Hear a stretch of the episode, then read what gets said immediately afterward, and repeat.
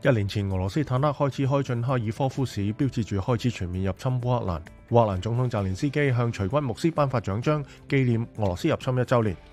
中國嘅挖掘機同推土機正在喺八十米高嘅塔陷岩石同泥土當中挖掘，尋找被埋嘅礦工。一座露天嘅煤礦塔陷造成六死四十七人失蹤。菲律宾飞机坠入火山一侧后，救援人员开始打捞四名遇难者嘅尸体。死者包括菲律宾机师、一名机组人员同两名澳洲公民。挪威军队正在喺雷纳附近嘅北約卓越中心同盟军进行寒冷天气行动训练，学习点样喺雪地同树林当中生存。